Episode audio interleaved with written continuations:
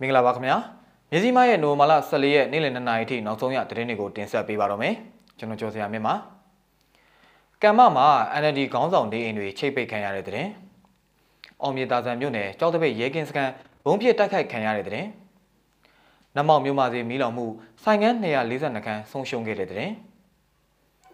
ရဲကစစ်ဆေးနေစဉ်မှာကိုဝန်ဆောင်မျိုးသမီးတေဆုံးမှုအပေါ်ခုံရုံးဖွဲ့စစ်ဆေးဖို့စစ်ကောင်စီညွှန်ကြားတဲ့သတင်းနဲ့ တရုတ်အာဏာရပါတီခေါင်းဆောင်တွေကရှီရဲ့တမိုင်းဝင်ဆုံးဖြတ်ချက်ကိုအတည်ပြုခဲ့တဲ့သတင်းအစရှိတဲ့ပြည်တွင်းနဲ့နိုင်ငံတကာသတင်းတွေကိုတင်ဆက်ပေးပါတော့မယ်ခင်ဗျာပထမဆုံးသတင်းတစ်ပုဒ်အနေနဲ့ကမ္မမှာ NLD ခေါင်းဆောင်နေအိမ်တွေချိတ်ပိတ်ခံရတဲ့သတင်းကိုတင်ဆက်ပေးပါမယ်မကွေးတိုင်းဒေသကြီးတရက်ခရိုင်ကမ္မမြို့ကပုံပ905ကကြီးနဲ့ဝရမ်းထုတ်ထားခံရသူတွေရဲ့အိမ်ချို့ကိုချိတ်ပိတ်တင်းစီတဲ့ဝရမ်းစာတွေကိုနိုဝင်ဘာလ23ရက်နေ့ကလိုက်ကတ်နေတယ်လို့ဒေသခံတွေကပြောပါတယ်။ ကမ္မမြို့အမှတ်လေးရပ်ကွက်မှ NLD ပါတီအလုံးမှုဆောင်ဖြစ်သူဦးတင်စောပယ်ကြကြီးရွာမှမြို့နယ်အလုံးမှုဆောင်ဒေါ်အောင်မှာကမ္မမြို့ကပြည်သူ့လွှတ်တော်ကိုယ်စားလှယ်ဦးမျိုးမင်းဦးရဲ့နေအိမ်တွေကို A4 စာရွက်နဲ့ရေးသားထားတဲ့အတိပေးဗရန်တွေကိုစစ်ကောင်စီကလိုက်ကတ်နေတာဖြစ်ပါတယ်။ကမ္မမျိုးကအသက်36နှစ်အရွယ်အမျိုးသားတူကတော့ V9 တွေလည်းချိန်မဲ့သဘောရှိတယ်။အခု V9 ရိုက်နေလို့ကြားတယ်။ကမ္မမှာရိုက်တဲ့နေရာမရှိလို့တရက်မှာရိုက်ရမှာလို့ပြောပါတယ်။ ယခုလိုအိမ်ချိတ်ပိတ်ဝရမ်းကတ်ခံရသူတွေဟာဆန္ဒပြပွဲတွေအရှိန်ကျသွားကြတဲ့ကရှောင်တိန်နေကြရသလို2020ရွေးကောက်ပွဲအကြိုကာလတုန်းက NLD အောင်နိုင်ရေးအတွက်တက်တက်ကြွကြွပါဝင်ဦးဆောင်ခဲ့သူအားလုံးဒီပါလဲထွက်ပြေးနေရတယ်လို့ကမ္မမြို့ကန်တွေကပြောပါတယ်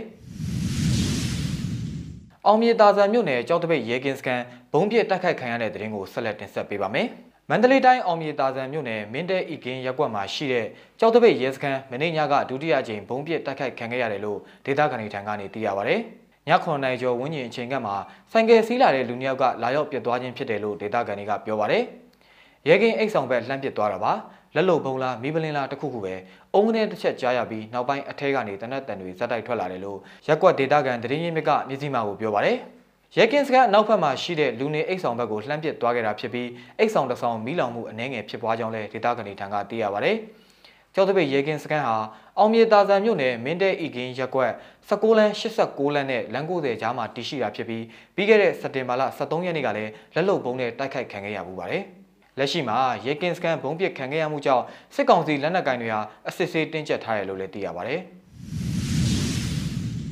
နောက်ထပ်သတင်းတစ်ပုဒ်အနေနဲ့နမောက်မြို့မှာစေမီးလောင်မှုဆိုင်ကန်း242ခန်းဆုံးရှုံးခဲ့တဲ့သတင်းကိုတင်ဆက်ပေးပါမယ်။မကွေးတိုင်းဒေသကြီးနမောက်မြို့ဇီးရက်ကွက်မှာရှိတဲ့မြို့မှာစေဟာနိုဝင်ဘာလ23ရက်ည9:00နာရီခွဲအချိန်ကမှမီးလောင်ကျွမ်းမှုဖြစ်ပွားခဲ့ပြီးဈေးဆိုင်ကန်း242ခန်းမီးလောင်ဆုံးရှုံးခဲ့တယ်လို့မိသက်တပ်ဖွဲ့ရဲ့မှတ်တမ်းကိုကိုးကားပြီးဒေသခံတို့ကမျက်စိမှောက်ကိုပြောပါတယ်။နမောက်မြို့မှာဈေးကြီးဟာနိုဝင်ဘာလ23ရက်နေ့ည9:00နာရီခွဲကစတင်မီးလောင်ကျွမ်းခဲ့တာဖြစ်ပြီးည7:00နာရီခွဲအချိန်ကမှမီးညွန့်ကျိုးသွားခဲ့တာဖြစ်ပါတယ်။ မီးလောင်ကျွမ်းခဲ့တဲ့အကြောင်းရင်းနဲ့ဆုံးရှုံးမှုတန်ဖိုးကိုတော့မသိရှိရသေးပါဘူးခင်ဗျာရဲကစစ်ဆေးနေစဉ်မှာကိုဝန်ဆောင်မျိုးသမီးတေဆုံးမှုအပေါ်ခုံရုံးဘွဲ့စစ်ဆေးဖို့စစ်ကောင်စီညွှန်ကြားတဲ့တဲ့ကိုဆက်ပြီးတင်ဆက်ပေးပါမယ်။ကိုဝန်ဆောင်တူကိုရဲတပ်ဖွဲ့ကစစ်ဆေးစဉ်မှာတေဆုံးသွားတာနဲ့ပတ်သက်ပြီးတာဝန်ရှိသူအစစ်စင်ကိုစုံစမ်းစစ်ဆေးရေးခုံရုံးဖွဲ့ကစစ်ဆေးသွားမယ်လို့ AR တိုင်းရဲတပ်ဖွဲ့အတိုင်းဝိုင်းထံကနေသိရပါဗျ။ AR တိုင်းမူပင်ရဲတပ်ဖွဲ့ရဲ့ရိုက်နှက်စစ်ဆေးမှုကြောင့်မူပင်မြို့နယ်ဒူဦးစီးမှုရဲ့နေအိမ်မှာရွှေတယ်ပစ္စည်းတွေပျောက်ဆုံးမှုနဲ့ဆက်ဆက်ပြီးဖမ်းဆီးခံထားရတဲ့ကိုဝန်ဆောင်အမျိုးသမီးမတ်တင်မော်လင်းရဲစခန်းမှာတေဆုံးခဲ့တဲ့အမှုနဲ့ပတ်သက်ပြီးစုံစမ်းစစ်ဆေးမှုခုံရုံးဖွဲ့ကစစ်ဆေးသွားမှာဖြစ်ပါတယ်။ AR တိုင်းဒေသကြီးရဲတပ်ဖွဲ့မူရုံးမှတာဝန်ရှိရဲရာရှိတို့ကရဲလုံထုံလုံနီးနဲ့ညီစုံခုံဖွဲ့ပြီးစစ်ဆေးဖို့စီစဉ်နေပါတယ်။တေဆုံးမှုနဲ့ပတ်သက်လို့လောလောဆယ်တေမှုတေကင်းဖွင့်ပြီးစစ်ဆေးဆောင်ရွက်နေပါတယ်လို့ပြောပါတယ်။ တည်ဆုံးခဲ့တဲ့မတ်တင်မော်လင်းဟာစီဗင်ဝန်ထမ်းခင်မွန်းဖြစ်သူနဲ့အတူမူပင်ခရိုင်ထွေထွေအုပ်ချုပ်ရေးဦးစီးဌာနဒူဦးစီးမှုတူရဲ့နေအိမ်မှာအိမ်မှုကိစ္စတွေခေါ်ယူခိုင်းစေခြင်းခံရသူဖြစ်ပါတယ်။အဲလိုလှုပ်လှုပ်နေတဲ့ဒူးစည်းမှုရဲ့နေအိမ်ကရွှေတယ်နဲ့အခြားပစ္စည်းတွေခိုးယူတယ်လို့တိုင်ကြားတာကြောင့်မူပင်ခရိုင်ဒူးစရိုက်နှင်းနှင်းရဲ့အဖွဲ့နဲ့မူပင်မြို့မှရဲစခန်းမှရဲတွေကတခိုးလို့ဆွဆွဲပြီးဖမ်းဆီးရိုက်နှက်ခဲ့တာဖြစ်တယ်လို့ရဲစခန်းနဲ့နှီးဆက်သူအချို့ကပြောပါတယ်။အုပ်ချုပ်ရေးအဖွဲ့ဝင်တို့က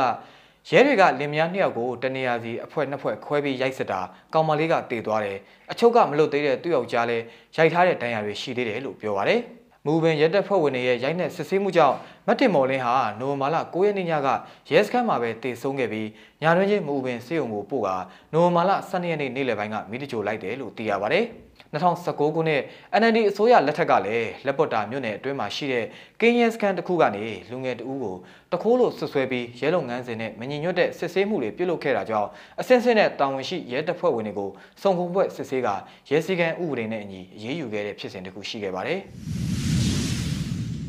တရုတ်အာဏာရပါတီခေါင်းဆောင်တွေကရှီရဲ့တမိုင်းဝင်ဆုံးဖြတ်ချက်ကိုအတည်ပြုခဲ့တဲ့နိုင်ငံတကာသတင်းကိုလည်းရှုစားရအောင်ပါနိုင်ငံရဲ့အတိတ်က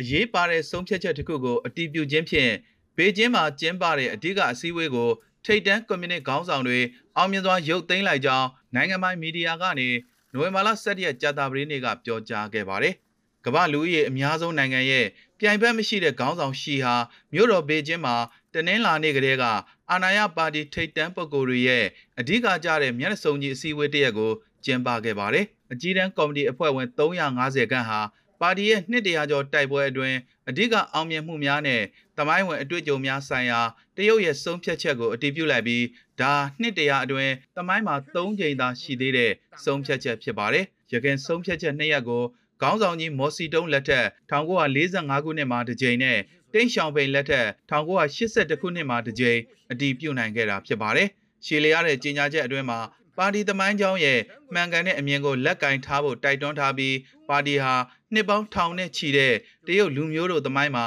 အခမ်းအနားဆုံးဇက်ဝင်ကန်းကိုရေးသားခဲ့ကြောင်းစင်ဝါသတင်းဌာနကကြေညာသွားပါတယ်။ပါတီဘိုးကော်မတီအနေနဲ့ပါတီတရက်လုံးတက်မတော်တစ်ခုလုံးနဲ့ တိုင်းရင်းသားလူမျိုးစုအားလုံးဟာရဲဘော်ရှီကျင့်ဖြင့်ဥဆောင်တဲ့ပါတီဘိုးကော်မတီနဲ့အတူပုံမနီးကပ်စွာစေးလုံးညီညွတ်ကြဖို့ရှီကျင့်ဖြင့်ရဲ့ဆိုရှယ်လစ်ခေတ်တစ်ကိုတရုတ်ဇေယိုက်လက္ခဏာတွေနဲ့အပြည့်အဝအကောင့်တွေဖော်ဖို့တိုက်တွန်းလိုက်ကြောင်းစင်ဝါသတင်းမှာဖော်ပြခဲ့ပါတယ်။ယခုနှစ်တကားပိတ်စုံကြီးအစည်းအဝေးဟာလာမယ့်စောင်းဦးရာသီမှာရှီကျင်းဖြင်ရဲ့တတိယအကြိမ်မြောက်သမ္မတရာထူးကိုပေးအပ်ဖို့ကြဲကြဲပြန့်ပြန့်မျှော်လင့်ထားတဲ့အကြိမ်20ပါတီညီလာခံအတွက်လမ်းခင်းပေးလိုက်တာဖြစ်ပါတယ်။ အဆိုပါဆုံးဖြတ်ချက်အရရှီဟာတရုတ်နိုင်ငံအတွက်၎င်းရဲ့အမြင်ကိုပုံမခိုင်မာစေပြီးရခိုင်ခေါင်းဆောင်တွေရဲ့အခမ်းကဏ္ဍကိုရှော့ချခြင်းဖြင့်၎င်းရဲ့အာဏာကိုဆက်လက်ချုပ်ကင်ထားနိုင်ရေးအတွက်အကူအညီဖြစ်စေလိမ့်မယ်လို့လေလာသုံးသက်သူတွေကဆိုပါတယ်။ရှီအတွေ့သည်တရုတ်ယဉ်ကျေးမှုနဲ့စိတ်ဝိညာဉ်၏နမိတ်ပုံဖြစ်သည်ဆိုတဲ့ရေးသားချက်မျိုးက